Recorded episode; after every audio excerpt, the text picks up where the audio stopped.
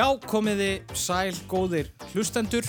Hér á rástöðu er að snúa aftur spurningaleikur rásarinnar heila hristingur. Nú, uh, við höfum verið í smá pásu frá upptökum, en við erum snúin aftur og að þessu sinni erum við stött hér í Studio 12, nýri æstaleiti.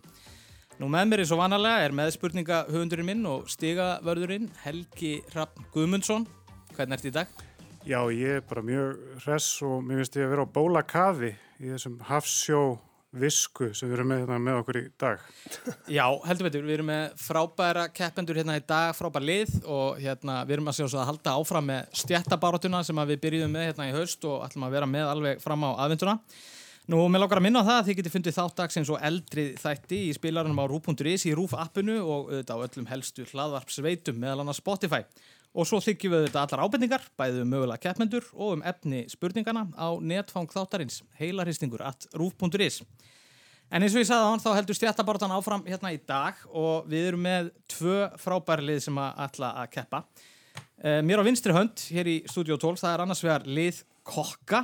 Það eru þeir Ólafur Örn Ólafsson, kokkur og hvað veitingamæður á tíu sópum í miðborginni?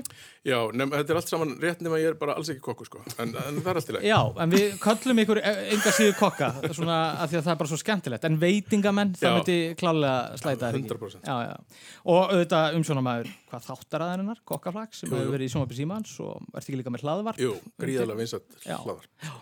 Spennandi, og með þér í liði er Gunnar Karl Gíslason, sem er nú svo sannlega kokkur og, Já, svo og, sannarlega. og veitingamæður á, á dill í bæ. Nákvæmlega. Hvað segir þið, gaman að fá ykkur? Hvað, hvernig, hvernig eru þið svona á þessum síðust og vestu eins og maður segir? Einmitt, Hvernig erum við, Óli? Ég, sko, miða við allt og allt held ég að séum bara nokkur hressu, sko, allavega ég. Já. Ég, Svona þannig séð. Það er bara, hérna, maður er bara í mjög góðri æfingu í núvitund í okkar bransa. aha. Já, svona- svona... Við getum, sko, við getum tekið allan þáttinn í að vera ógislega leðilegir Já, og breytirir út í, hérna, úrraðaleysi stjórnvalda og eitthvað svona. Akkurat. En, En- við ákveðum bara að, hérna, að nú hafið allan að tíma til að mæta í eitthvað. Nákvæmlega. En það er bara ótrúlega gaman að, fá ykkur, já, spurningakeppnir. Hvernig, hvernig eru þið þar? Eru þið mikið að taka þátt í þeim eða er þetta einhver nýlunda? Já, nei, þetta er alveg klálega í fyrsta skipti sem að ég tek þátt í spurningakeppni og, og ég held að sé nú alveg klálega ástæða fyrir því. En hérna, ég er mjög spenntið fyrir þessu. Já, ég, hérna, mér finnst líka uh, svona góð, góður andi yfir ykkar liði og mér finnst þið svona, þið virkið mjög samrýndir þó að, þó að, þó að við séum að verða hérna fjallagamörk og, og það sé gott bíl á millikar.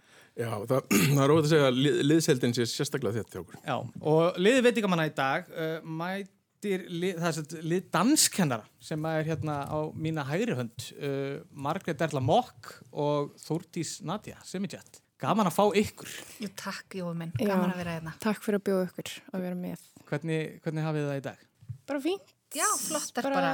ágætt. Ekkert þunglindi, ekkert, uh, engin biturleiki, ekki neitt. Þrátt neitt fyrir að, að auðvitað hefur, við svona hefur nú reynda að forðast að tala um ástandi í þessum þáttum en, en ég gerir ráð fyrir að það hefur nú einhverju leiti bitna á danskenslu eins og svo mörgu öðru og ekki það Jú. þeir eru nú að sísla margt annað auðvitað líka í framkomum og, og, og Þetta er svo ósangjant, sko, því að ég hef sagt svo oft að ef að danskennarar væri að sjá um þessa tveggjametrarreglu þá væri þetta ekki vandamál.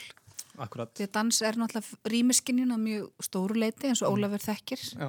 Já, manna úr, flest. úr, úr, úr, úr hérna, allir geta dansa og hérna, þannig að það er svona en já, það, það, það bitnaði alls konar okkur sem fannst, okkur fannst ósangjant en það lítur nú út fyrir að, að við megum hrista fólk Eitthvað, eitthvað, Eitthvað aðeins. Eitthvað aðeins. Fa- færra fólk alveg erum vanar Mhm. og, og, og svo bara byggjum maður upp tímana þannig að það sé Veitu hvað segir, ertu ertu að meina að þið megir hrista annað fólk, ekki bara er ekki það- með priki, með priki.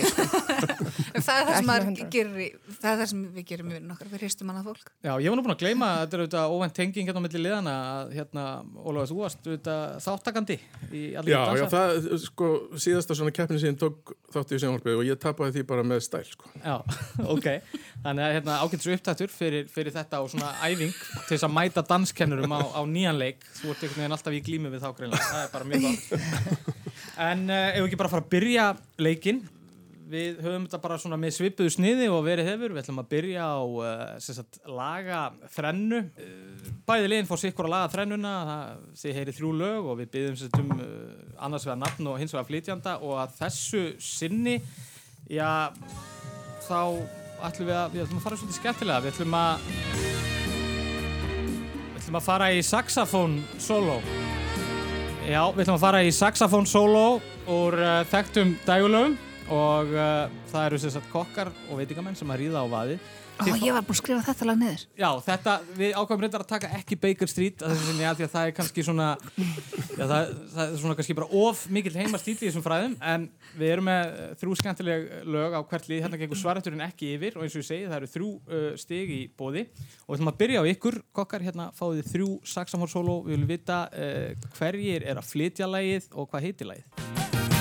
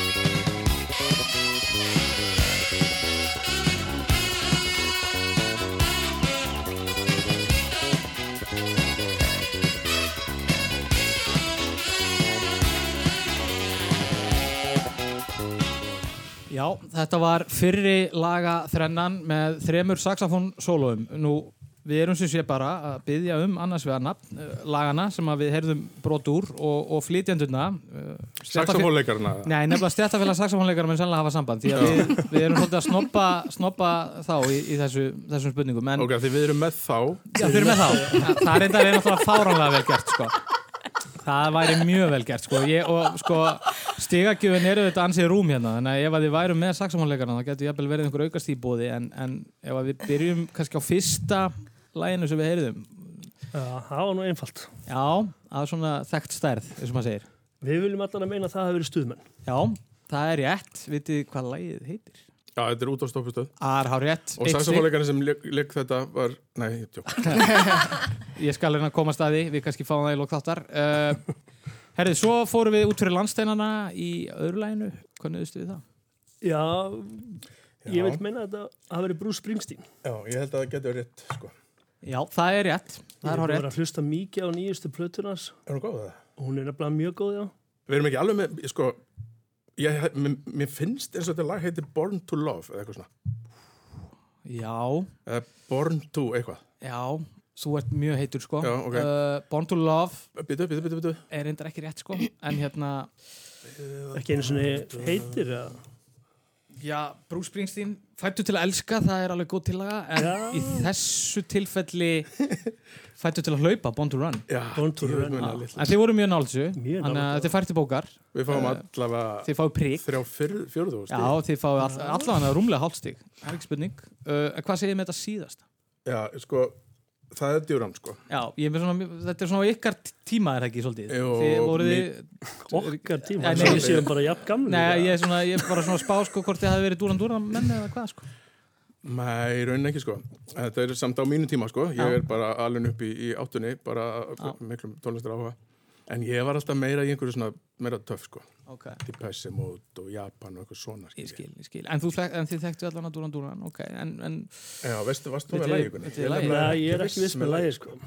Það er, Og strámt til tekið held ég muni bara ekki eitt einasta lag með djúran djúran. jú, maður þetta góð sem fyrir, þetta var ekki Jú, það. ég mann það reyndar. En Svona- við ætlum að samt að prófa að giska á að það verið Ríó. það er bara fáralega gott gísk. Það er rétt. Uh, Ríó, dúran dúran. Þetta var bara mjög góð framist það. Ég, hérna, við setjum á okkur allan að tvörstig. Tvo og hálft, jafnvel. Tvö og þrjá fjóluð. Já, Born to Love, hvað segir Helgi? Já, þeir eru með tvö fín stig, Já, Já. tvö góð stig og Já, það er annað sem klárlega með svona búin að búa eitthvað í fengið- sko. Það er ekki allir sem vita það Já. að Steini elskar að hlaupa. Þannig að þetta er í rauninni sama, Já, sko. einmitt. Og það er nú kannski, hérna þeir hefðu nú fengið fullt úr stiga eða hefðu nú kannski nefnt hann eh, Clarence gamla Clemons eða Big Man sem var nú saxofónleikari. Bruce Springsteen Já, já, já, já, já. mikill heiðismæður Já, þá höfðu þetta, þá náttúrulega hefðu þrjústík steinleið, sko. en, hérna, en enga síður, virkilega góð framistæði hjá kokkum og vitingamönnum. Nú, danskennarar, það er bara sambarileg þraut fyrir ykkur. Við heyrum þrjú önnur saxofónsóló, gjöru svo vel.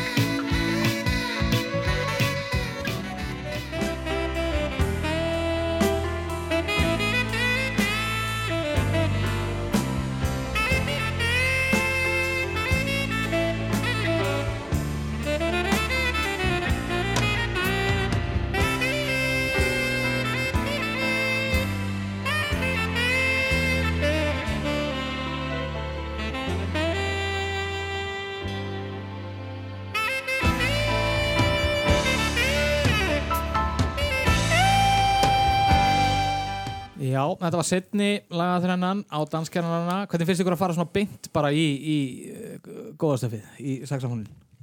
bara erfitt Já, þetta getur náttúrulega verið svolítið svona... Ég finnst þetta var ekki það rutt. Nei, Yeah. Nei, ykkar var líka miklu auðveldra. af því að Þannig við að bara ekki- slaka aðeins hérna. Óli. Það getur bröðið tilbækja vona í þessu, en hérna þetta fyrsta, hvað segið þið með það? Nú vorum við svona, við byrjuðum, uh, byrjuðum heima þar líka, sko, ánum við fórum út fyrir landstæðina. Ok. Já, við vorum alveg alveg í rugglinu bara þar Já, það er ekki að koma. það er bara. Mm, við erum að gíska. já, já, gísk Við getum, þessi, já, já, flott já. Já. Sál, uh, Sálinans Jóns míns. það er hár rétt, þetta var sálina. Flott. og Jens, Þetta það var Jens, Jens þetta var Jens Hansson á saxinum frábært lag, láttum við vera heitir það. Svo fórum við út fyrir landstenna já, þar voru vinni mínir Harlan Oates með lagið Man Eater Það er hár rétt Eitt Hvað stig. sagði hittu? Þetta, já, Já, hvað- hvað sagði hann á hittu? Ekki, nei, ekki segja það. ekki það Ég heyrði það ekki, sko. Ég heyrði ekki neitt. Heyrðu þú bara meginn? Oates og vinnur hans Oates og vinnur hans er reyndar ekki fullnæðandi svar en hérna en það var vissulega Ha- Holland Oates Já, Holland Oates, Já. það er bara hár rétt Eitt stig Þeir, Sorry, er, ég ætla að vera svona er allan hérna já, frábært Ég er líka. Kæftin er strax svona hörð Ég hérna fíla það. Ég hef sko Eh, byrjað að svitna. Það er ekki sko, ekki tengt því að ég drakk þrjá kaffibölla hérna inni áðan. Ekki það var neitt. keppniskapið Það er keppniskap, það er kaffi, það er allt í gangi hérna í Studio 12 Hvað sögum við þetta síðasta? Það var, já Við viljum bara gíska á að það hafi verið lag með Sadei. Sko, mér finnst það frábært gisk sko. Takk. Að því að hérna Sadei var með hérna mikið saxofón líka sko. Já. meðal hans Smooth Operator hérna. þetta var samt ekki það sko. Þetta var Billy Joel. Já, New York State of Mind. Já, Nó, ok. já. uh, en enga síður, vel gert. Við erum með eiginlega eitt og hálft stíð þarna uh, Helgi, Já, við náttúrulega tókum eiginlega hálfstíð að hinum líka. Þannig að bara þá segja- er það bara 2-1 fyrir, 2-1. fyrir veitingamönnum Já, 2-1 fyrir veitingamönnum, það, hérna, þetta fór bara Ha, en vel við- að Ég saknaði svolítið að sé, það eru of fá saxofónsóló í nútíma tónlist, finnst mér. Ég veit að ég hef verið að kalla eftir þessu í langan tíma að hérna, við förum að sjá, sjá meira af þessu þetta var einmitt mikið í svona hvað, áttunni og, og byrjun nýjunar svona, og mikið verið að taka þetta Þetta er líka bara svo samtalið í. Eurovision. Já, þetta er hjá svona, svona í svona sjópis eru góð saxofónsóló. Já. Herri, við höldum áfram, nú þá er það stjættaspurningin svo kalla við erum hérna með tvær stjættir sem að mætast og, og nú erum við bara með svona hefðbundna víksl spurningu þar sem að við berum upp spurningu uh, sem að fjallar um stjætt anstæðingar það eru tvö stíði bóði en anstæðingur getur hins vegar stólið einu stígi ef að rétt svar kemur ekki og við byrjum á kokkum á dögunum uh, fjall frá einhver ástsælasti danskennari okkar Íslendinga. Við ætlum að heyra smá brott. Já, þá skulum við nú halda áfram að taka annars spór. Ég vona að þetta hafi gengið vel hjá okkur og þegar að ná þessu reglulega vel því að Tja Tja Tja er einn alglæsilegasti af suðuramursku dönsunum. Já, hann sem sagt kendi og sá um dansþátt í ríkisútvarpinu um margar ára skeið og rakk dansskóla hér á landi undir einn nafni frá árinu 1956. En hver er maður? Nú kemur sér vel að er með hérna, rosalett bakland þarna í dansinum. Já, með, með, með bakinu. Og sko, ég held að þessi maður hafa verið með hérna, dansskóla upp í, í fellakari. Ég held það líka. Láta þetta vaða. Já. Heiðar Ástásson. Tvö stík, há rétt. Þetta kom, uh, þetta var hann Heiðar Ástálsson og þá förum við yfir til danskennar og þið fáið uh, svona svipaða spurningu úr ranni kokka. Sigurður Laudal er fulltrú Íslands þetta misserið í keppni sem kölluð er hinn eina sanna heimsmeistarakeppni kokka í matreyslu. Hann er tólti kokkurinn sem hann keppa fyrir Íslands hönd í keppninni sem framfer annarkvert ár en úslitin eru fyrirhuguð í janúar 2021. En hvað heitir keppnin? Jú, er þetta ekki bóku stór? Það er hárétt, tvö stík. Þetta kom allt saman Hvað fram. þýðir það strákar? Þetta er, er, er þetta, ekki, þetta er nafn á kallinum sem byrjaði að keppna Já, Hann, og Dior þýðir úr gulli. þetta, Þetta er svo óli úr gulli. Er, er, ok. það getur verið innlend keppni á svona svipuðu Gunnur sniði. gulli. Þetta kom ekki fram hjá báðum liðum, bara vel gert og við ætlum þá að færa okkur yfir í valflokkana. Já, stíin Já, eru þannig að kokkar eru með, eða veitingamenn eru með fjögur stig og danskennarar þrjú. já, það er eitt stík sem að skilur liðina. Ég, sko, ég átti ekki hún að við myndum vera yfir á nokkrum sér. eða fá fjögur stig. Býttu, býttu aðeins. Rolex. Já. Það er, það, hefur forn kveðna, það er nóg af stígum í pottinum. Uh, herri, við ætlum að færa okkur yfir í valflokkana á blaði fyrir framann ykkur sem stendur á einn. Það eru fyrri valflokka umferðin og þarna eru sem sagt, fjórir valflokkar og það eru kokkar sem að byrja að velja í þessari fyrri umferð og uh, það eru tvö stíð í bóði og svo getur anstæðangurinn stólið einu stígi og anstæðangurinn fæði síðan sambærilega spurningu uh, úr flokknum sem þið veljið. Nú, flokkarnir sem eru í bóði í fyrir valflokkunum eru glæpa fjölskyldur, norðmenn, árdagar internetsins og teiknimyndasögur. Glæpa fjölskyldur, norðmenn, árdagar internetsins og teiknimyndasögur. Hvernig líst ykkur á þetta? Þetta er mjög, er mjög hérna, random. Þetta getur verið svolítið random sko Mm. Og kannski ekkit þú- alltaf mjög upplýsandi um, Ég veist, ég var bara að hugsa norðmenn. Já. um, hver á að velja fyrst? Þið veljið, það eru kokkar og veitingamenn Hvað kosti hún að taka? Hvort viltu? Já, ekki bara það sína það. Jó. Þetta er samt, er þetta ekki svipað? Glæpa fjölskyldur og. Er ekki? Hvað þið, hvað viljið þið taka? Norðmenn, er það þá fólk frá Nóri eða? Já, það, eh, já, við getum sagt að Eða, þú veist, fólk á Norðan, eða, þú veist, nú er ég að Já, Norðan. við, við, við getum gefið ykkur það, það hér erum við að tala um sko Noreg Já, Norðmenn þá held ég að þetta ekki að fara þá. Nei, Já, alls ok. ekki. Við tökum glæpa fjölskyldur. Glæpa fjölskyndar og við viljum fá að vita hvaða vinsælu bresku sjónvarsþættir fjalla um glæpa fjölskylduna Shelby sem starfar í Birmingham á milli stríðs árunum hvaða vinsælu bresku sjónvarsþættir fjalla um glæpa fjölskylduna Shelby sem starfar í Birmingham á milli stríðs Já, árunum ég held að þetta vera. Okay. Já. Það er einu allavega svona gömlu glæpa fjölskyldunar sem ég mann eftir í ykkur sjónarbeig, sko. Ég har allan að einu gömlu glæpa fjölskyldunar sem ég hef hort á í það. Mástu hvað hétt þess að? Ég man alls í hvað Nei. Ok, við ætlum að giska á að þetta sé Peaky fucking Blinders. Það er hárið að tvö stygg Ska. vel gert hjá kokkum Æ, þú veist, hver erstu? Ég, ég hef bara eftir að tapa eins og ekki, ég kann ekki neitt. Það er kaffi og keppniskap hérna í dag þess Það er er sko. Uh, herrið, þið fáið sambarilega spurningu danskennarar, hvað heitir glæpa fjölskyldan í Andresblöðunum á ensku sem við þekkjum sem bjarnabúana hvað heita bjarnabúanir á ensku? Bugly Brothers. Nei.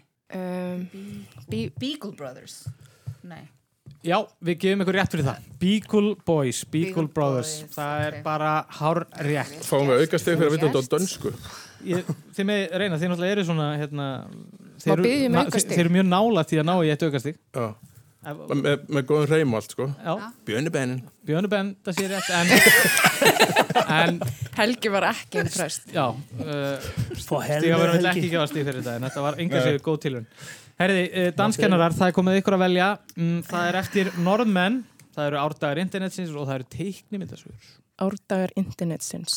ok, árdagar internetsins breski tölunafræðingurinn Tim Berners-Lee gerði fyrstu vefsíðu heims árið 1991 þegar hann starfaði hjá Evrópsku rannsóknastöðinni í örendafræði CERN í Sviss.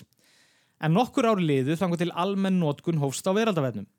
En hver var vinsalasti netvafri heims á þeim árum en netið var fyrst mjög vinsælt um 1996 til 1997? Já, net, já, ok. Um, Ég held að það sé þetta sko. ok. Er það ópera? Nei, Nei. það er ekki rétt. Ó. Hvað segja veitingamenn? Það getið stólið hérna einu stíi. Já, Við öllum að giska á Explorer. Það er ekki heldur rétt. Uh, þetta var Netscape. Netscape. Netscape Navigator. Uh, Heyrið, þið fáið, hann. þið fáið Ég er bara ung. Ég er gammal Þetta var ekki alveg að hitta, það er bara, það er stundið þannig. Uh, þið fáið sambarlega spurningu, kokkar. Það er gaman að rifja upp þessa gamlu góðu daga. Og því spyrjum við, hver var vinsælasta leitar síðan þar til um mitt ár 2001 þegar Google var ráðandi á markanum í fyrsta sinn? Hver var vinsælasta leitar síðan áður en að Google rutti sér til rúms? Já, er einhverjum ég, Já, það er að stórti spurt, sko. Nei, Hvað, ég hvað heitir þetta Microsoft síðan sem að allir gleyma alltaf Ég maður bara til leit.is það verður sennilega ekki verið Kannski á Íslandi, já, Já. já, en ekki heiminum. En ég, nú mann ég bara ekki þetta neinu. Nei, ekki heldur Þetta er ekki að koma, heyris mér. Nei, Nei, Herði, danskennara, það er þetta að stela hérna einu stíi. Er þetta alltaf vista? Það er eitt stík. yes. Vel gert. Alltaf vista. Þá snúum við þessu við. Uh, Það er komið að setni valflokka umferðinni. Við fáum fjóra nýja flokka og þessu sinni eru það danskennarar sem að fá að ríða á vaðið. Já, þess má geta að núna er staðan 6-6. Já, það er allt í átnum.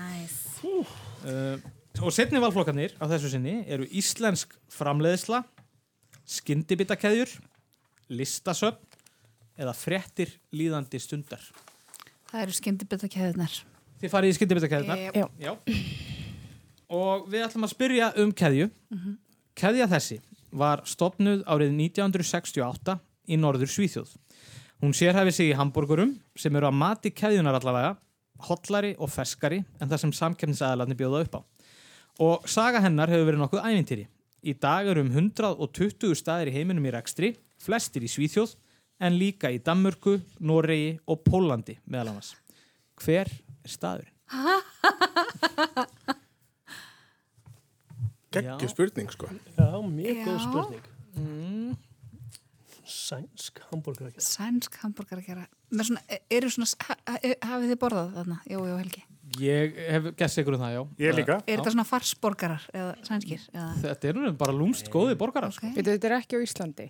Nei, en þetta er sem sé, þetta er, þetta er afarvins selgæði í Svíþjóð og, og víðar á Norrlöndur. Og bara þar, ekki neins þar í bandaríkjónum eða neitt annar. Nei, þetta sé nú ekki Já, ég komið veit þetta þangað, sko. Ég bara, ég, já. Já, ég, hérna, ég, Ég þorði ekki að vera með eitthvað svona alveg klassíska skyndibitakeði Nei, fyrst að það væri nú kokkar og veitingamennina og svona, já, og talskona hérna, Marg, skyndibitadrottning Íslands líka. Uh, já, um, ef við ekki bara búið eitthvað til. Já, bara eitthvað svona burgaren eða eitthvað. Burgeren, þetta er skemmtilegt svar en, en það er ekki rétt. Hvað segja veitingamenn? sko, ég man ekki eftir neinu en einhvern veginn finnst mér eins og ég hef í einhverju ég lappa frá okkur þessum svona raukt og hvitt logo og þetta er Quick Nei, það er ekki heldur rétt. Þetta eru Max borgararnir.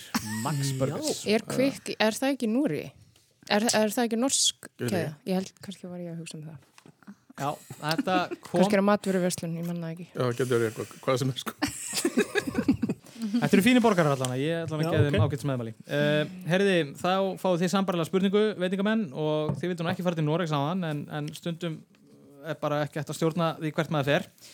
Það er að sumra á mati nokkuð umdænalegt hversu góðar pitsunar eru í Noregi. En það er einn keðja á heimamarkanum sem hefur búið höfuð og herðar yfir allar aðrar pizzakeðjur þar í landi. Hún var stopnað árið 1970 af tveimur bandaríkjamönnum, merkilegt nokk, og nú eru reknið þar í landi 76 veitingastæðir undir merkjum keðjunar sem gerir þetta að stæstu keðjunni á flatbókumarkaði á öllum Norrlöndunum. En hvað heitir þessi norska? Ég hef aldrei fengið með pizza í Nóri. Eitthvað ógeðslega dýrt. Nei, náttúrulega, ma maður svona fer smá hjá sér að vera með sko kokkin og dill hérna og, og vera... Hvað segir með sko- norsku pítsunar? Ég hef gert ímislegt í Noregi og borðað víða. Pítsur, það verður ekki verið eitt af því. Hvað heitir samt þannig frostnu norsku pítsunar sem eru bara, eitthvað staðar heyrði ég að það væri bara vinsalasti maturinn í Nóri, það eru frostna pítsur. Já, Getur ok. verið að það sé, þú veist, Já, sami framlegandi. það sé bara, já. Og þú veist hvað þessar pítsur heita? Nei, sko, nei, en ég held ég muni eitthvað, eitthvað auðlýsingar. Já, ok. Kontum það. Grandiosa, er það það? Uh, það er ekki grandiosa, en ég held samt að það sé rétt þér. Ég held að það séu, sko, já, vinsælustu frosnu pizzunar í Nóri eru grandiosa, en þetta er ekki grandiosa. Þá fyrir þetta yfir. Ég er hrifin að þessu frosnu pítsu pælingu. Mér finnst það eitthvað svona mjög skandi að það er eitthvað pítsukæði og svo getur þú kipt hana frosna líka. Já, bara framleiða beint í Já, fyrst. annarkvort eitthvað restauranti eða Dr. Er Oker. það samt? Þú veist að, þú finnst það að make a sense. já, þú veist að Casa Fiesta er norst, sko, og Santa Maria. Ég meina, en er, er pizzastæðir líka þar sem þú getur fengið tilbúna að heita ég- Mér finnst það eitthvað eitthvað skandinavist business model. Nei, ég er að segja þú veist að þeir séu með ferskar, Já, en svo séu þeir með svona side gig, Já, en ég held bara að sé best að við gískum á þetta, á þetta. Dr. Oker. Nei, þetta er ekki ókarinn. Þetta er Peppes pizza. Peppes pizza, já. Ég hef ekki gæst svo frægur að, að borða þetta. Uh, en, herri, þá eru það kokkar og veitingamenn. Þið veljið síðasta valflokkin hjá okkur í dag. Og eftir eru listasótt fyrir eftir líðandi stundar og íslensk framleiðsla. Já, þetta getur sem verið, þú veist, bara Já. stólar og svona. Já, ég er góður í því. gerfi dæmis. fætur og eitthvað svona. ok, íslensk, tökum það. Já, Íslensk framleiðsla. Íslensk framleiðsla um miðjan sjötta áratugin fekk sjúkrahús fyrir berklasjúklinga á Íslandi leiði frá danska leikfangaframleiðandarum Lego um framleiðslu á kuppum þess sem síðar urðu heimsfræðir. Þetta var í fyrsta og síðasta sinn sem Lego gaf slíkt leiði. En á Íslandi voru þessi kuppar markasettir sem SCBS kupparnir. En hvað heitir þetta sjúkrahús berklasjúklinga sem framleiði kuppana til 1977? Í dag er það starfandi endurhæfingarmiðstöð. Saðin eitthvað hver á landinu þetta var? Ég datta eins og sónaði þessu út þarna. Já, ég líka. Á Íslandi, já. Já, sem sé, það var Lego-kuparnir, frægur, voru framleitir á tímabili á Íslandi uh, til ásins 1977 og þeir voru framleitir á vegum sjúkrahús berklasjúklinga og í dag er það starfandi það að vera. endurhæfingamist. Er ekki? Ég var nefnilega var svo vissum að þú ætlar að spurja sko hvar Lego vesmið að væri eitthvað svona og ég var alveg klár með það. Já, hver var hann? Sko, það er eitthvað bergla hérna fyrir norðan. Þú ert nú þarna, þaðan. Já, en hef aldrei fengið bergla, guðið sem ég Og svo eru vývilstæðir. Já, Og hvað heitir þetta fyrir norðan? já, ég hef ekki hugmynd. Ég man, amma vann þarna, Já. Við að búið til Lego kupa. akkurat, Vývilstæðir. Það er ekki rétt, sérstætt. eitt stig í bóði hérna fyrir danskina. Ég minnst þetta endurhæfingastöð eitthvað, þannig ég vil segja Reykjalundur. Það er bara hár rétt. Yes! Vel gert, Margrét. Mjög vel gert. Já, mjög vel. Það var Reykjalundur Reykjalundur City! og þið fáið sambarlega spurningu. Samband íslenskra samvinnufélaga var upplugasta viðskiptaveldi Íslands þegar leið á 20. öldina þar til það var gjaldtróta árið 1992. SÍS rakk til að mynda stóra fatavesmið á Akureyri þar sem um 800 manns störfuðu þegar mest var. Verksmiðan framliti föt af öllum stærðum og gerðum en var saminuð Álafossi árið 1987. Samruni þessa risa í ullaræðinaði gekk þó ekki vel og það hætti starfsemi árið 1991. En hvað hétt þetta mikla fataframleyslu fyrirtæki sambandsins á Akureyri? Hvað segir tísku dróningin? Það er svona eins og það hefur heyrt þetta. Já. Uh,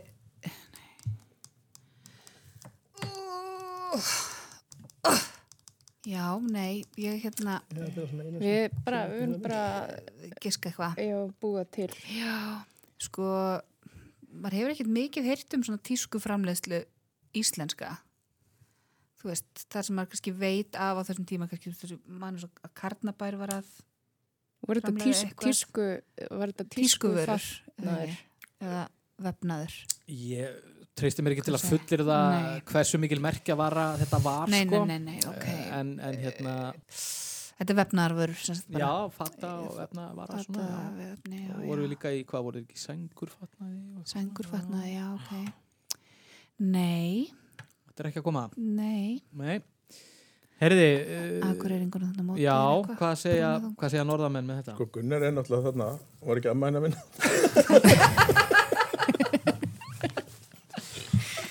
Nei, hún var ekki að vinna þarna því miður. Nei, sko eina sem að ég man eftir er Álafoss og Gefjun. Og þú ert búin að segja það. Þannig að Já, Já, þannig að, og þið ætlið þá að segja Gefjun. eitt stygg, þess, Góður vel gert. Jesus. Þannig að þetta snýrist hérna við. Uh, liðin eru búin að vera að stela stigum hérna hvort öðru og fyrir norðan var líka reygin það ekki, Íðun, var ekki Íðun og Gefin? Mikið rétt og staðan er núna 7-7. Akkurat, það er allt í átnum. Þetta er spennandi. Herði, við ætlum að fara að henda okkur bráðlega í auglýsingar en áður en við gerum það, þá uh, ætlum við að bera hérna upp heilabrótið. Uh, við erum alltaf með heilabrót í hvernig þætti. Við berum það bara upp núna og þið með hugsa það á meðan við erum í auglýsingum og svo rukkum við ykkur um svar og, og heilabrótið er sett borið upp bara á bæði liðin og þið bara skiljið mér svarin á blæðu og eftir. Og við viljum fá að vita að þessu sinni. Hvaða skýrnanafn tengir eftirfarandi saman? veitingastað á Tryggvagötu sem lagði upp laupana fyrir mörgum árum, höfund Gullivers í Putalandi og danskan vestlunamann sem fættist í þrældómi. Þannig að hvaða skýrnanafn tengir eftirfærandi saman veitingastað á Tryggvagötu sem lagði upp laupana fyrir mörgum árum, höfund Gullivers í Putalandi og danskan vestlunamann sem fættist í þrældómi. Og við förum í auglýsingar og heyrumst aftur eftir skamma stund.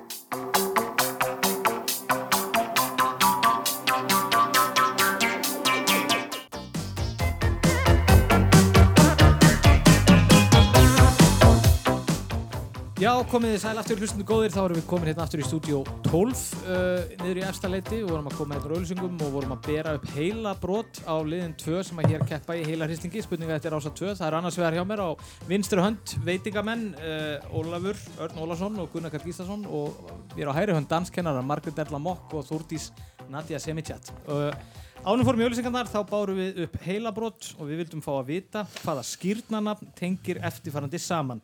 Veitingastað á Tryggvagötu sem laði upp laupana fyrir mörgum árum, höfund Gullivers í Putalandi, danskan vestlunumann sem fættist í þrældómi. Og ég er búinn að fá hérna svör frá báðum liðum. Nú, danskennarar, þið segið Jónatan og uh, kokkar og veitingamenn, þið segið Jónatan Livingston. Jónatan Livingston. Eða Jónatan, eiginlega. Jónatan, já, við vildum bara kalla hann fullu nafni, sín honum þá verið. Já, ég bara, við, við fögnum því og það er bara Jónatan sem er klálega rétt og það kom fram hjá báðum liðum þannig að það eru tvö stig í bóði fyrir bæði liðin hér, vel gert og ef við kannski förum yfir þetta helgi heila brotið, það er hérna veitingastæðurinn á Tryggagötu, það er eins og veitingamenn nefndu, það er Jónatan Livingston Máur sem er náttúrulega byggt á Mikið rétt, það er náttúrulega bók líka eftir Richard Bach sem fjallar um, um, um máf sem uh, eldri drauma sína og, og hérna, flýgur um loftin blá. Og hérna og svo var það náttúrulega Gúlifur í Putalandi Já. Jonathan Swift. Og svo að síðustu Hans Jónatan sem var þræll sem hérna var síðan danskur vestunarmæður á djúpavogi en var fættur í Karibahafinu Það voru allir með Jónatan og uh, þá kannski fáum við bara stöðuna og við höldum áfram. Uh, Já, það er náttúrulega er allt í játnum Já, eins og hefur verið gegnum þessa keppni en það er staða 9-9 það er ekkert annað, þetta er mjög spennandi Svakalega. Við ætlum að fara hérna í nýjan lið uh, sem að heitir uh, Kistan. Við ætlum að fara hérna í Kistu Hvernig á ég að kissa? Ríkis útafins. Má það er ekki COVID eða? Við kannski prófum það eftir COVID. Hér er útastjóri kistan Gott að það var ekki skýrt á hann. Það er að fæðast Skipta hérna, hérna nýjar hugmyndir sem er bara frábært. Settir eitthvað í vatni, Óli? Já, ég vissi það. En sko Kistan að þessu sinni, það er, þá erum við að tala um safn Ríkis útafins. Við ætlum að bara einfalla að heyra bara tvö brot sem að við fundum úr uh, safni Rúf. árið er 2009 og heimsþektur bandarískur leikstjóri ræðir innhverfa íhugun í Silfri Eils. Same thing that happens in an individual, negativity will recede. This unified field is 10 million times 10 million times 10 million times more powerful than the atomic level of 30 creation. It isn't a little bit of power, and it's all positive, and it can be enlivened with these technologies.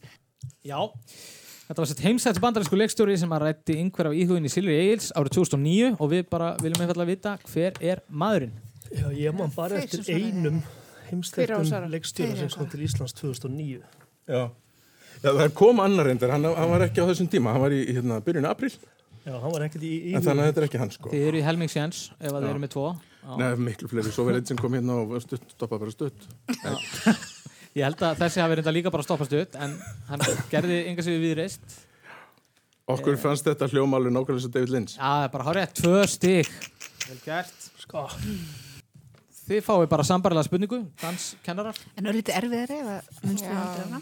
Uh, árið 2006 mættu tveir grímuklættir menn í viðtal hjá Ragnhildi Steinunni Jónsdóttur í Kastlúsi. Is it never strange for you to do interviews with these bags on your heads? It's, it's really strange. It's very It's the- it's, it's the the- first it's the time, first time. and uh, and these these bags, it's not our ideas. It's definitely you know your ideas. But you usually us- have masks. Yeah. Yes, but we don't do interviews usually. So you know. Já, og við viljum bara vita hvaða heimsþekta tvíegi var hérna á ferðinni. Yeah. Jú, Daft Punk. Daft Punku. Já, já, þetta var Daft Punk. Það er hárétt. Tvö stygg, Thomas Bangalter og Guy Manuel Duhomem Kristó. Þeir voru mættir hérna í Kastlúsið árið 2006, þannig að þetta bara kom allt saman fram og þá var náttúrulega bara ennþá stálinn stinn í keppninni þegar við förum í sérsviðin. Við ætlum að fara inn í sérsviðin, nú verða borðnar upp þrjár spurningar það er ljóttir ef við klúrum þessu svo. Óli sko vildi ekki segja mér hvað sérfriðin hans væri hérna frammi. Ég er svo spenntur að sjá svipina þegar það verið ljóstraður. Þetta er náttúrulega mjög skemmtilegt og hérna, það er nú eiginlega bara að skera lofti hérna í Studio 12 bara með, með nýf sko. Þetta er, það er, það er mjög mikil spenna inn í loftinu. Uh, þið sem fengu að velja ykkur sérsvið, þið fáið þrjár spurningar úr uh, hverju sérsviði. Uh, liðsfélagi má hjálpa sínum keppanda og við ætlum að byrja á kokkum og veitingamönnum og við ætlum að byrja á þér, Ólafur. Já. Þú varst með svolítið skemmtilegt sérsvið. Já, sko við vorum að pæli að fara í hérna úrræði stjórnvalda vegna COVID fyrir veitingamanns. Við verum með það allt á reynu sko. Það er líka sama svarið við, við öllu. Það er ekkert, ekkert. En okkar að fara þær leið. Já. Vegna þess að hérna, ég er með, það er ekki margir sem vita þetta, en ég hef mjög mikinn áhuga á sérstakri tegundu sjónvastáta sem eru svona dating þættir. Mjög gott. Við Óli erum sko admin á hérna Facebook-hóp fyrir hérna Love is blind. Love is Blind. Já. Ég, ég segðu okkur endilega meira frá þessu. Ég held að hlustendur hérna, yði í skinninu að hérna, já, það, þú ert svona maður á miðum aldri og þú, þú, þú nýtur þess mjög að horfa á stefnum og Óli er mjög duglegur að setja eitthvað þarna inn. Ég er líka í þessari grúpu, sko. Sko máli er að hérna, þetta, er, þetta er svona sjónvarsefni sem er svo vond að það er ekki hægt að horfa á þetta, þetta er svona eins og bílsli sko. Ok. Maður getur ekki slita augun af þessu. Og ég, ég festist í þessu, kona mín bara hristir hausinni yfir þessu bara, hva? og svo laumast hún til að horfa með mér samt sko, af því að þetta er bara svona lím. Já. Þetta er mjög spennandi. Við höfum Ég bara og gaman. mjög sennilegt að klúður svo öllu vegna sem ég man aldrei hvað neitt heitir sko. Okay, okay. Við höfum mjög gaman að þessu og, og við sem sagt bara þannig að þessi sagt að þá var afmörkunin stefnumóta þættir á Netflix þannig að þetta eru stefnumóta þættir sem að eru í síningu á Netflix. Herði, uh, Magga, Mokk, Já, ég hérna, fyrst þegar við spurðum mig um sérsvið, þá ætlaði ég að segja matur. En svo þegar ég komst að því að ég var að keppa móti þeim, þá væri það náttúrulega ekki taktist kannski að velja það. Þannig ég hugsa að ég ætla að velja bara flokk sem er, þannig ef ég klúður honum, þá er þetta samt skemmtilegt útvarp. Þannig ég valdi dýr. Og það er enda rétt að taka fram að svareturum gengur ekki yfir þannig að hérna, Ah, það er ekki hægt að ok. sópa hennu upp sko. Ok, gott. Uh, Það er mjög góða frétti fyrir mennflokk hérna, það, já, það er nefnilega yfir í skinninu danskennar að komast í stefnumóta þetta það verður ekki þannig Gunnar, þú fórst svona bara þú leitar ekkert langt yfir skamt Nei, eh, nei, það gerði ég ekki. Við völdum vín. já, og bara, já, svona léttvín var það ekki, það var svona cirka afmörkunin á þessu Já, allir það ekki. og það er náttúrulega það sem að þú ert að sýsla með Það finnst bransa mér mikið. skemmtilegasta vínið. Já, léttvín, já, Léttvín. það er létt og skemmtilegt uh, Þannig að við sjáum hversu létta spurningar það eru síðan þegar það er ekki mjög en þetta verður allavega mjög Það verður skemmtilegt bara vonandi í stíl við vínið. uh, En það er áhugavert að Magga sagðist ekki vilja taka matinn en uh, Þórdís, þú fórst samt í mat Já, ég bara vissi ekkert að ég var að keppa móti þeim. Ég bara vissi það ekkert. Uh, ég valdi sterkan mat. Já, þú hefur sérstaka ást sagt, á sterku mat umfram annan mat Já, ég sko, já, ég bara eða bara sterkan mat. Eða bara. En ég er samt ekki eitthvað svona chili nörd, eitthvað svona chili hipster, eitthvað svona chili ræktandi, að ég er ekki alveg svo típa, sko. Mér finnst bara sterkum matu góður, punktur. Já, Það eru bara... mikið svona síðskækjaði kallar í ból. Já, ég fara ógeðslega mikið í Chili. mér. Ból. Já. Ég þóri ekki svona chili nörda. Mér finnst þetta bara að vera eitthvað, þú veist, já, já, mátt alveg vera nörd en þú veist, bara keep it to yourself. Ég er nú samt gaman af Chili Klaus. Já. Já. Það er skemmtilegt. Já. Hann er líka oft í skirtu, ekki ból. Hann er oft í skýrtu, já. Já, hann er líka bara skemmtilegur.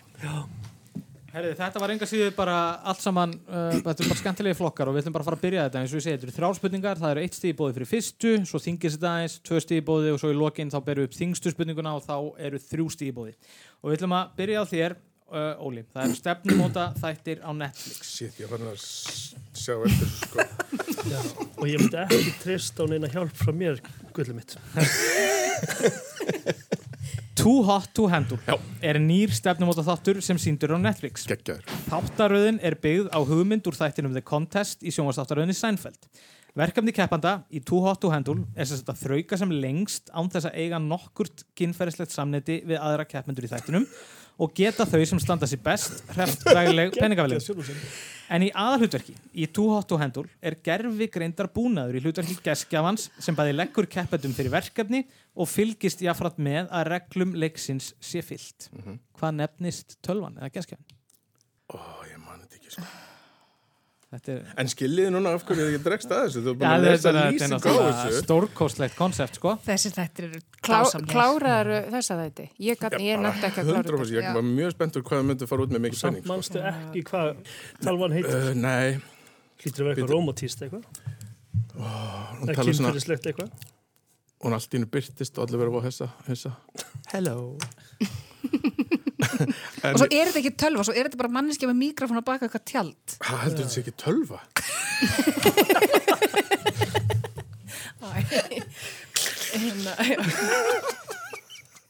Nei, ég maður ekki, en það er eitthvað svona... eh, Var þetta og- kall eða kona? Þetta er kona. Uh, ef að giska á eitthvað, bara, eitthvað, eitthvað svona, hvað myndir þú skýra tölvuna þína? Í Ef hún ætlaði að- segja þér eitthvað svona...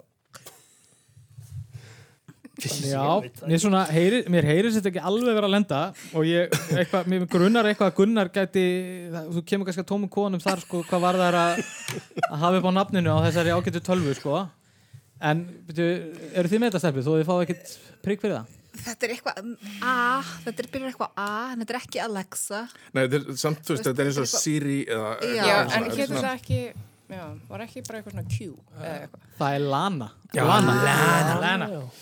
Uh, Stigalega sé að var þetta ekki mikið tjón það er fyrsta spurningin, það er bara eitt stig í bóði og við þær bara áfram. þetta, þetta var létt með því Herri, maður veit aldrei hvernig þetta spilast. Nei. uh, Magga, dýr Já. Nokkrar tegundir spendýra búa á Íslandi Já, já. vilt eða sem húsdýr og gæludýr. Tegundir þessar komu allar með manninum til Íslands fyrir utan refin sem var hér áður En nú er spurt, hvaða spendýr er algengast á Íslandi? Fjöldi þeirra var um 413.000 árið 2019 og skákaði því mannfólki en landsmenn voru um 364.000 í byrjun þess ás. Sem sé, hvað dýr er algengast á Íslandi? Telur um Er þetta ekki- er 413.000. þetta ekki kindin? Jú, þetta er sögindin. Með með mullin og öllu. Hvað með mís og rottur og svona? Lítið Það verið að hefur tala reyndar enginn farið í talningu á því sko. En uh, sögindinni hefur nú hins vegar farið aðeins fækkandi því að þær voru vel yfir 800.000 til að mest létt hérna. Já, hérna, hér. Herriði, við höldum áfram og við förum í uh, léttvín Gunnar, hinn grátt broslega kvikmynd Sideways frá 2004 fjallar um ferðalag tvekja vina um vínhéruð í Kaliforníu. Miles sem Paul Giamatti leikur spáur mikið og spekulerar í vínum á meðan að karakterinn Jack sem Thomas Hayden Church fer með finnst betra að kvolfa vingljósonu bara í sig.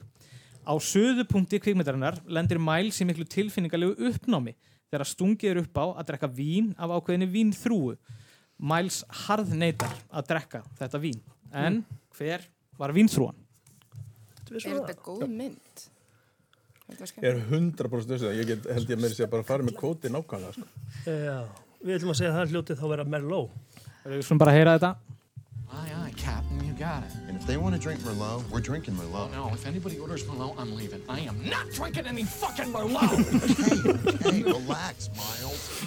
Relax, maður. Herðu, þetta var horrið eitt stig, það var Merló og Þórdís, Nadja, við förum í sterkan mat.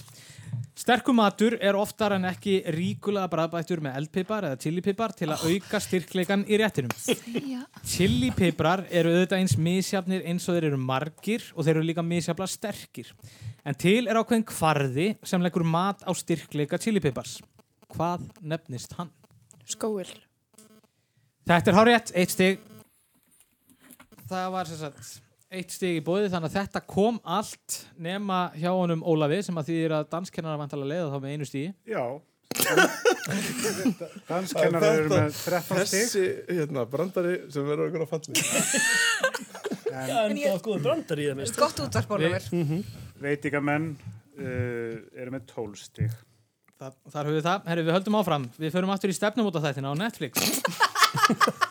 og þetta er mjög spennandi. Sko, fyrir tvö stig, í hvaða áströlsku heimildaþáttaröð sem síndir á Netflix er fjallað með leitina af ástinni og vonir og væntingar þar að lútandi í lífið fólks sem öll eiga það sammert að vera á einhverfu rófi.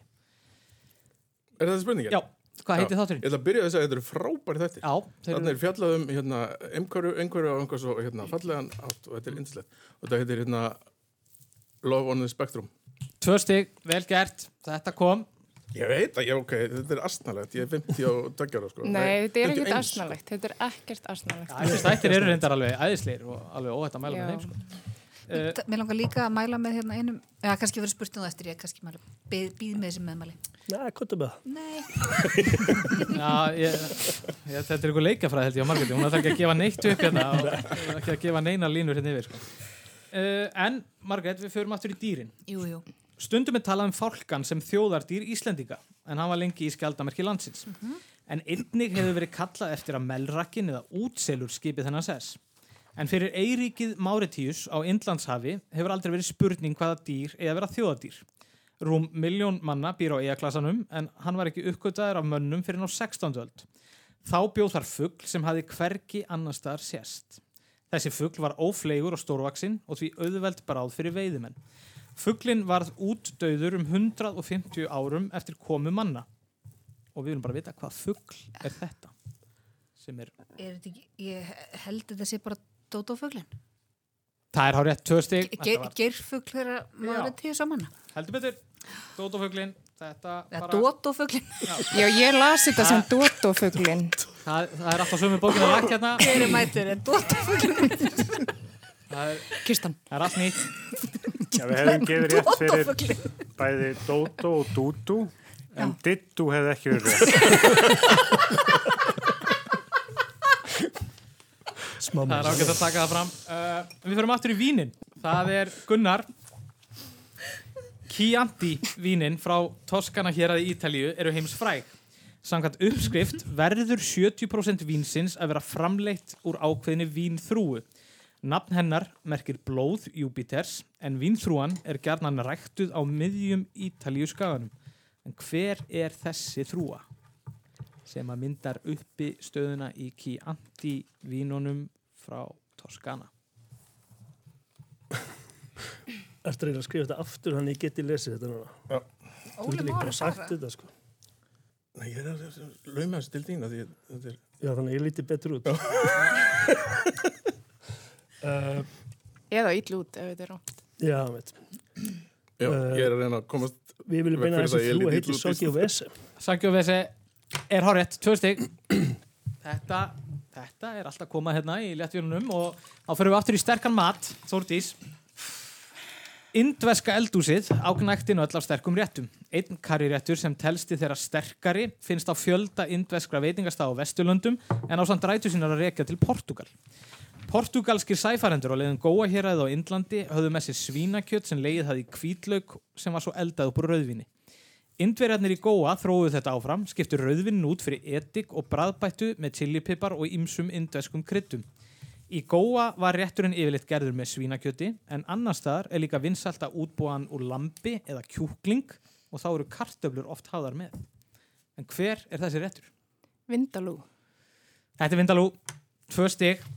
Já, já, já. Þetta er mjög spennandi. Það er hérna, það kom allt fram í þessari umferð sem að því þá vantarlega að staðan er ennþá þannig fyrir loka umferðin í sérsuðunum að það munar einu stíð eitthvað. Jú, það er hérna 17-16 fyrir danskennurum. Þetta er spennandi og við förum, við förum í þryggja stiga spurningarnar og Óli við förum í stefnumóta þættina okkar á Netflix Love is Blind er ný stefnumóta þáttaröð sem slegið hefur í gegn á Netflix. 15 kallar og 15 konur fara í gegnum röð hraðstefnumóta á þremur vikum til að reyna að finna ástina. Það gekk á ymsu í þessari fyrstu þáttaröð en við ætlum að fá að spyrja af lítinn skandal sem kom upp í þáttaröðinni og fór eins og eldur um sínu um samfélags- og slúðumilana. Neykslið varðaði samskipti eins keppanda við hundin sinn en keppandin gaf honum drikjarfang sem fór öfugt ofan í marga sjónvas, sjónvas áhörundur. En ekki hundin. Og við viljum bara vita hver var keppandin og hver var drikkurinn sem viðkomandi gaf hundinu sínum sem stuðaði áhörundur svona. Já, sko, hún var alltaf með alltaf mikið rauðvinn í glasinu, sko. Já. Og þannig að hún gaf hundinu sinu rauðvinn. Ok. Er næstu þessum.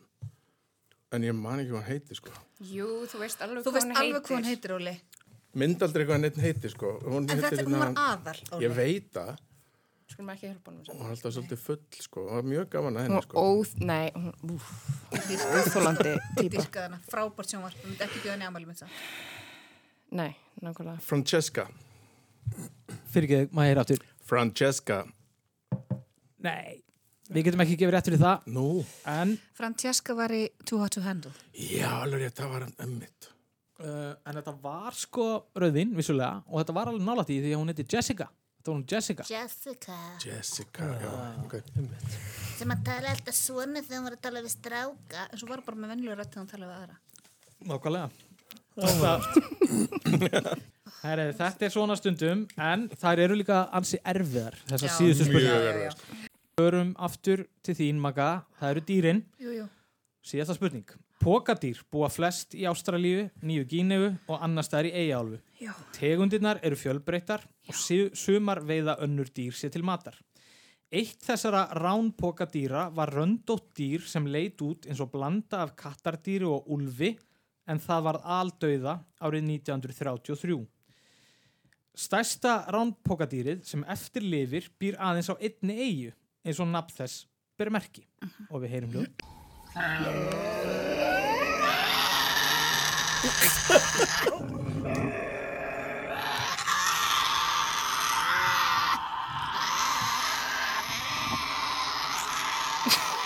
slagt á þessu? Já, þarna heyrðum við þessu dýri sem að vísindavefurinn lýsir svona. Það minnir um margt á lítið bjattir. Það er kjötæta og þá aðalega hræða þetta. Það er ekki áreinlegt að reyna að handsama það. Það kvæsir hátt og berar tennurnar auk þess að það gefur frá sér óskemmtilega lykt undir álægi. Sennilega er nafnkift þess dregin að þessu háttalagi en hegðun þess stafar þó líklega frekar af hræðslu en grimt. En hvert er þetta dýr? Er það að spyrja um útöðadýrið eða þetta dýr? Þetta er dýrið sem Já. er sem sagt ekki. Er þetta ekki hérna Tasmaníu djöfullin? The Tasmanian Devil? Þrjú stig. Já. Vel gert. Verulega vel gert. Var það hljóðið? Nákvæmlega. Nei, það var, e, sko, fyrst þegar það hérna, það er eiga og hérna útöða, þá var ég bara, já, Tasmaníu tígurinn. Og svo, nei, þetta er þetta, það var þetta Tasmaníu djöfullin. djöfullin. Af Því hann sagði eigan og þetta væri bara á eiginni. Það var það sem gaf, gaf það. Og svo þekki maður náttúrulega líka teiknumynda útgáfuna á honum. Já, þetta. Vel gert. Herriði, þá er smá pressa hérna á veitingamennum. Við ætlum að fara aftur í uh, léttvinnið og nú spyr ég ykkur fyrir þrjú stig, Gunnar. Vínflöskur koma í ymsum stærðum og gerðum þótt hefðbundna stærðin sé 750 millilítrar. Mhm. Stundum koma þær þó stærri. Magnum er til dæmis 1,5 lítir og tvöfaldum magnum er 3 lítrar. En hvað kallar svo stærsta sem almennt er framleitt og er 15 lítrar? Hvað kallast Já. 15 lítra vínflaskan sem er almennt svo stærsta sem er framleitt? Nú er ég nú að veikina, ég hef aldrei verið mikið í svo stórum flöskum sko, en það, er samt mjög gaman að drekka vín úr 15 litra flösku, sko. Það verður skemmtilegt kvöld. já, þá er það ekki lengur létt vín samt sko. Nei, það er tungt, sko. Getur þú sagt okkur hvað stendur hérna álega? Já, ég mani þetta ekki sem er synd og skam, en ég held að þetta sé Nebukadnesar. Vel gert, þrjú stygg. Það er Nebukadnesar Ska, sem er nafnið á stærstu vínflöskunni sem almennt er framleitt, 15 lítrar. Herri, þetta var frábært, það eru þrjú stig og þá förum við í uh, sterkan mat. Síðasta spurning fyrir þrjú stig, Þúrdís, Nadja. Íslensk veitingahúsaflóra er alltaf að eblast og styrkjast. Nú eru til dæmis reknir hér á landi tveir ethiopíski veitingastæðir, Teni á Blöndósi og Milinik á Flúðum. Ethiopíska eldúsið er víðþekkt fyrir sterkan mat. Þar leikur oft leiki hlutverk ákveðin krydd blanda sem samastendur yfirleitt að meðal annars kvítlaug, engifer, basil, grikkasmára, ratúni, nígælu og ethiopískri kardamómu. Þessi kryddblanda er sem sé leikil krydd í bæði ethiopískri og eritreskri matargerð. En við viljum bara að vita, hvað heitir hún? Já, einmitt. Og það er hægt að, sem sé, það er hægt að komast í þessa kryddblöndu hér á landi núna. Uh, hmm. Ég tek að fram að þetta er ekki loka spurningin í þættum. Nei, það ok, er ein ok. þraut eftir. Ok, ég bara, uh, nei, um, ég ætla ekki ská dúkka. Dúkka er gott gisk, en þetta er ekki dúkka. Brúða. Hún heitir, já, þessi kryddblanda heitir berberi. Berberi. Berberi. Berbu, berbu, berbu. Já, en þær geta verið ansið þungar þessar síðustu spurningar uh, og þá held ég nú bara að unnurinn síðan þá eitt stig, Helgi, getur það ekki verið þegar við erum að fara hérna í loka liðin í kættinni Jú, það er hár rétt. Danskennarar með 20, veitingamenn með 19.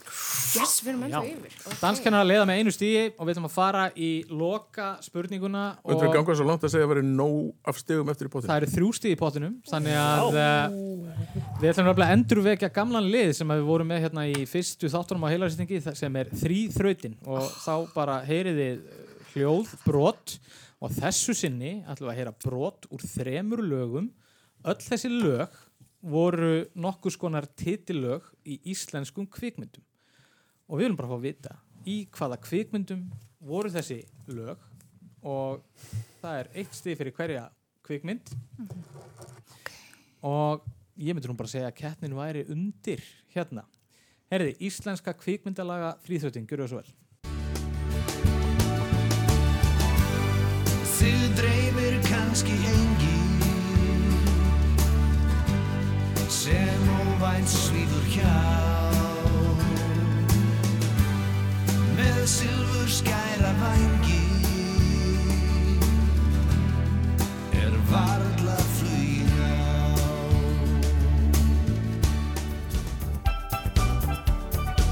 Við siglum frá öllu saman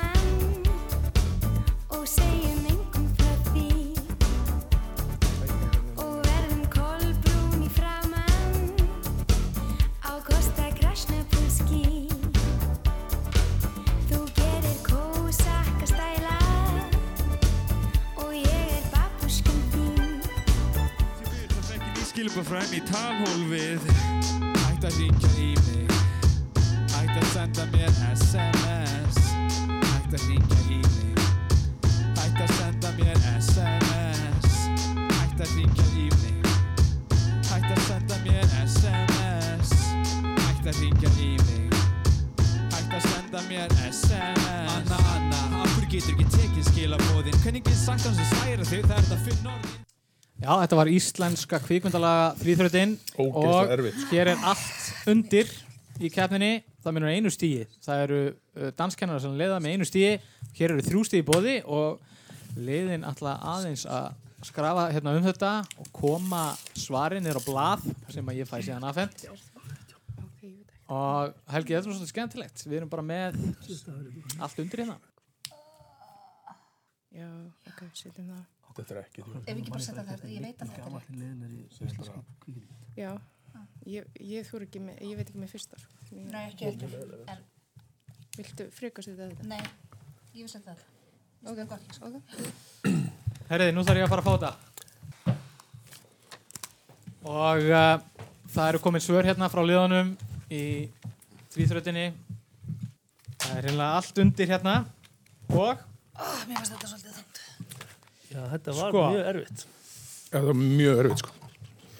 förum bara yfir þetta, lið fyrir lið. Það er svo þannig að fyrst heyrðum við lagið, þið dreymir kannski Engil með Björgvin Haldurssoni sem var titillagið í kvikmyndinni Jöblæginni. Ah, ok. Hvorugt liðið var með þetta. Uh, þið sögðu Íslenski draumurinn danskennar og Karl okkurinn Hekla hérna hinum einn. Það voru eins og bæði liðin með uh, annan liðin, það er að segja Perlur og Svín sem að, þetta var Emilian Torini sem að bara söng og Svín sem var titillagið þeirri kvikmynd, vel gert. Svo var það afkvæmi Guðana hættu að ringja í mig og í hvaða mynd uh, kom það lag fyrir? Það var í myndinni Gemsar eftir Mikael Torfason. Kokkar og veitingamenn eru með það, þannig að við erum að fara í bráðabana. Yes, Yes. Vel gert sko. Þannig að, uh, Helgi, hvernig er staðan? 21-21. Maður lifandi. Já. Herri. Og engin stig eftir í pottur. En við, þá förum við bara í östuta bráðabana til að skera úr um úslitin og uh, það er bara þannig að bæði liðin fá að velja sér bara eina spurningu úr valflokkunum sem stóðu eftir. Og hérna og það er bara hreinlega uh, og við byrjum aftur á kokkum og veitingamönnum. Ef að þið svarir rétt þá fáið þið að jafna. Og þannig höldum við áfram þangað til að, að bæði liðin hafa svarið þeim spurningum og við erum með einhvers konar úslit Hvar voru Kokkar og veitingamenn, það sem að var eftir voru normenn Nei. Það voru, ár, voru teiknumyndasögur uh, það var frettilíðandi stundar og listasögn og þið megi bara velja eitthvað af þessum fjórum flokkum og þá fáið þið eina spurningu svo með að stelpunna velja sér er örugglega eitthvað söfnur í borgum út í heim og eitthvað. Ekki. Ekki pottet, sko. Uh, Fréttir líðandi stundar, það getur alveg verið eitthvað samt sko. Já. En f- förum í normenn, það er eitthvað svo bjánlegt. Já, gerum það bara. og líka því við vildum alls ekki á það. ok, það eru normenn Það eru normenn. þeir eru norskir og þeir eru bræður þeir heita Vegard og Bort Ylvisokkar og gera mikið grín þeir eru meðalans frægi fyrir dramatíst rocklag um norska diplomatan Jan Egeland og eru starfsmenn saminuð þjóna við skulum heyra brotulegin And he says, Boy, I think you're ready to protect some human rights. When this war and all is hell, bring it an eagle land. The United Nations superhero man. Já, hvað heitir þessi duett? Það er góð spurning. Þetta var ekki duettinn sem ég átti vona á. Nei, þetta er ekki Bobby Socks. uh, hvað þú veit að þú ná? Segjum hann bara. Nei, þú, ég man ekki hvað hann heitir en þetta er bara ekki hann, veit ég. Nei, ég veit ekki heldur sko. Ég er engun nær, sko. Nú hefur við líðin tíma Ég myndi segja að þetta væri, ég hef ekki humdu. Jan og Fredrik. Það er ekki rétt, þetta var Ylvis Ylvis. Já. Herði, þið veljið ykkur, það eru normenn það eru Þú ræðir bara. frættilíðandi stundar, listasögn og hvað vorum við með annað hérna? Við vorum með teiknumyndasögur Gunni, sorry. Já, glatað. og þið getið náttúrulega unnið kjallina með því að svara rétt Við getum ekki líka að valið normenn. Jú, þið getið líka valið normenn, það er önnur sem sagt, norsk uh, Já. spurning hérna og blæði Það er um hinn duettinn. Hindútin. Bobby Socks. Ég segi annarkurs normenn eða fréttir líðandi stundar. Þú ræðir. Akkur ræði ég? Ég vil ekki, ég vil ekki taka þessa ábyrð. Ok, bara gera auglasett á kvisti? Já. Þetta er ekki, ok, bara normenn. Í hvað hljómsveit var norska söngkonan Lene Nýström Hvað? Svo Heyrum þetta bara Life in plastic, it's fantastic. You can brush my hair, Já, þar höfum við það Það eru danskennarar sem að fara með Sigur Holmi hérna í æsilegu Yes! bráðabann Yes! Og Þetta og það verður bóðið upp á Ylvis og Aquadansa í Kramusunni bara næstu viku. Eh, þa, Það var bara glæsilegt, Þúrtís Nadja og Margaret Mock uh, eh, fulltrúalið stanskennara hafa sigur hérna í æsi spennandi keppni á múti Ólaf Erni og Gunnari Karli uh, kokkum á vitingamennum, það fór hvað 20 og 3, 21 23 og 21 Herri, fólk það bara held ég að jafna sig hans. Ég segi bara takk hella fyrir komina í heila hristing. Við heyrjumst aftur á viku Þú núna liðinni. farið í kistan. Já, nú fyrir við í kistan og getum gert allt sem okkur listi. Takk fyrir okkur í dag. takk. takk.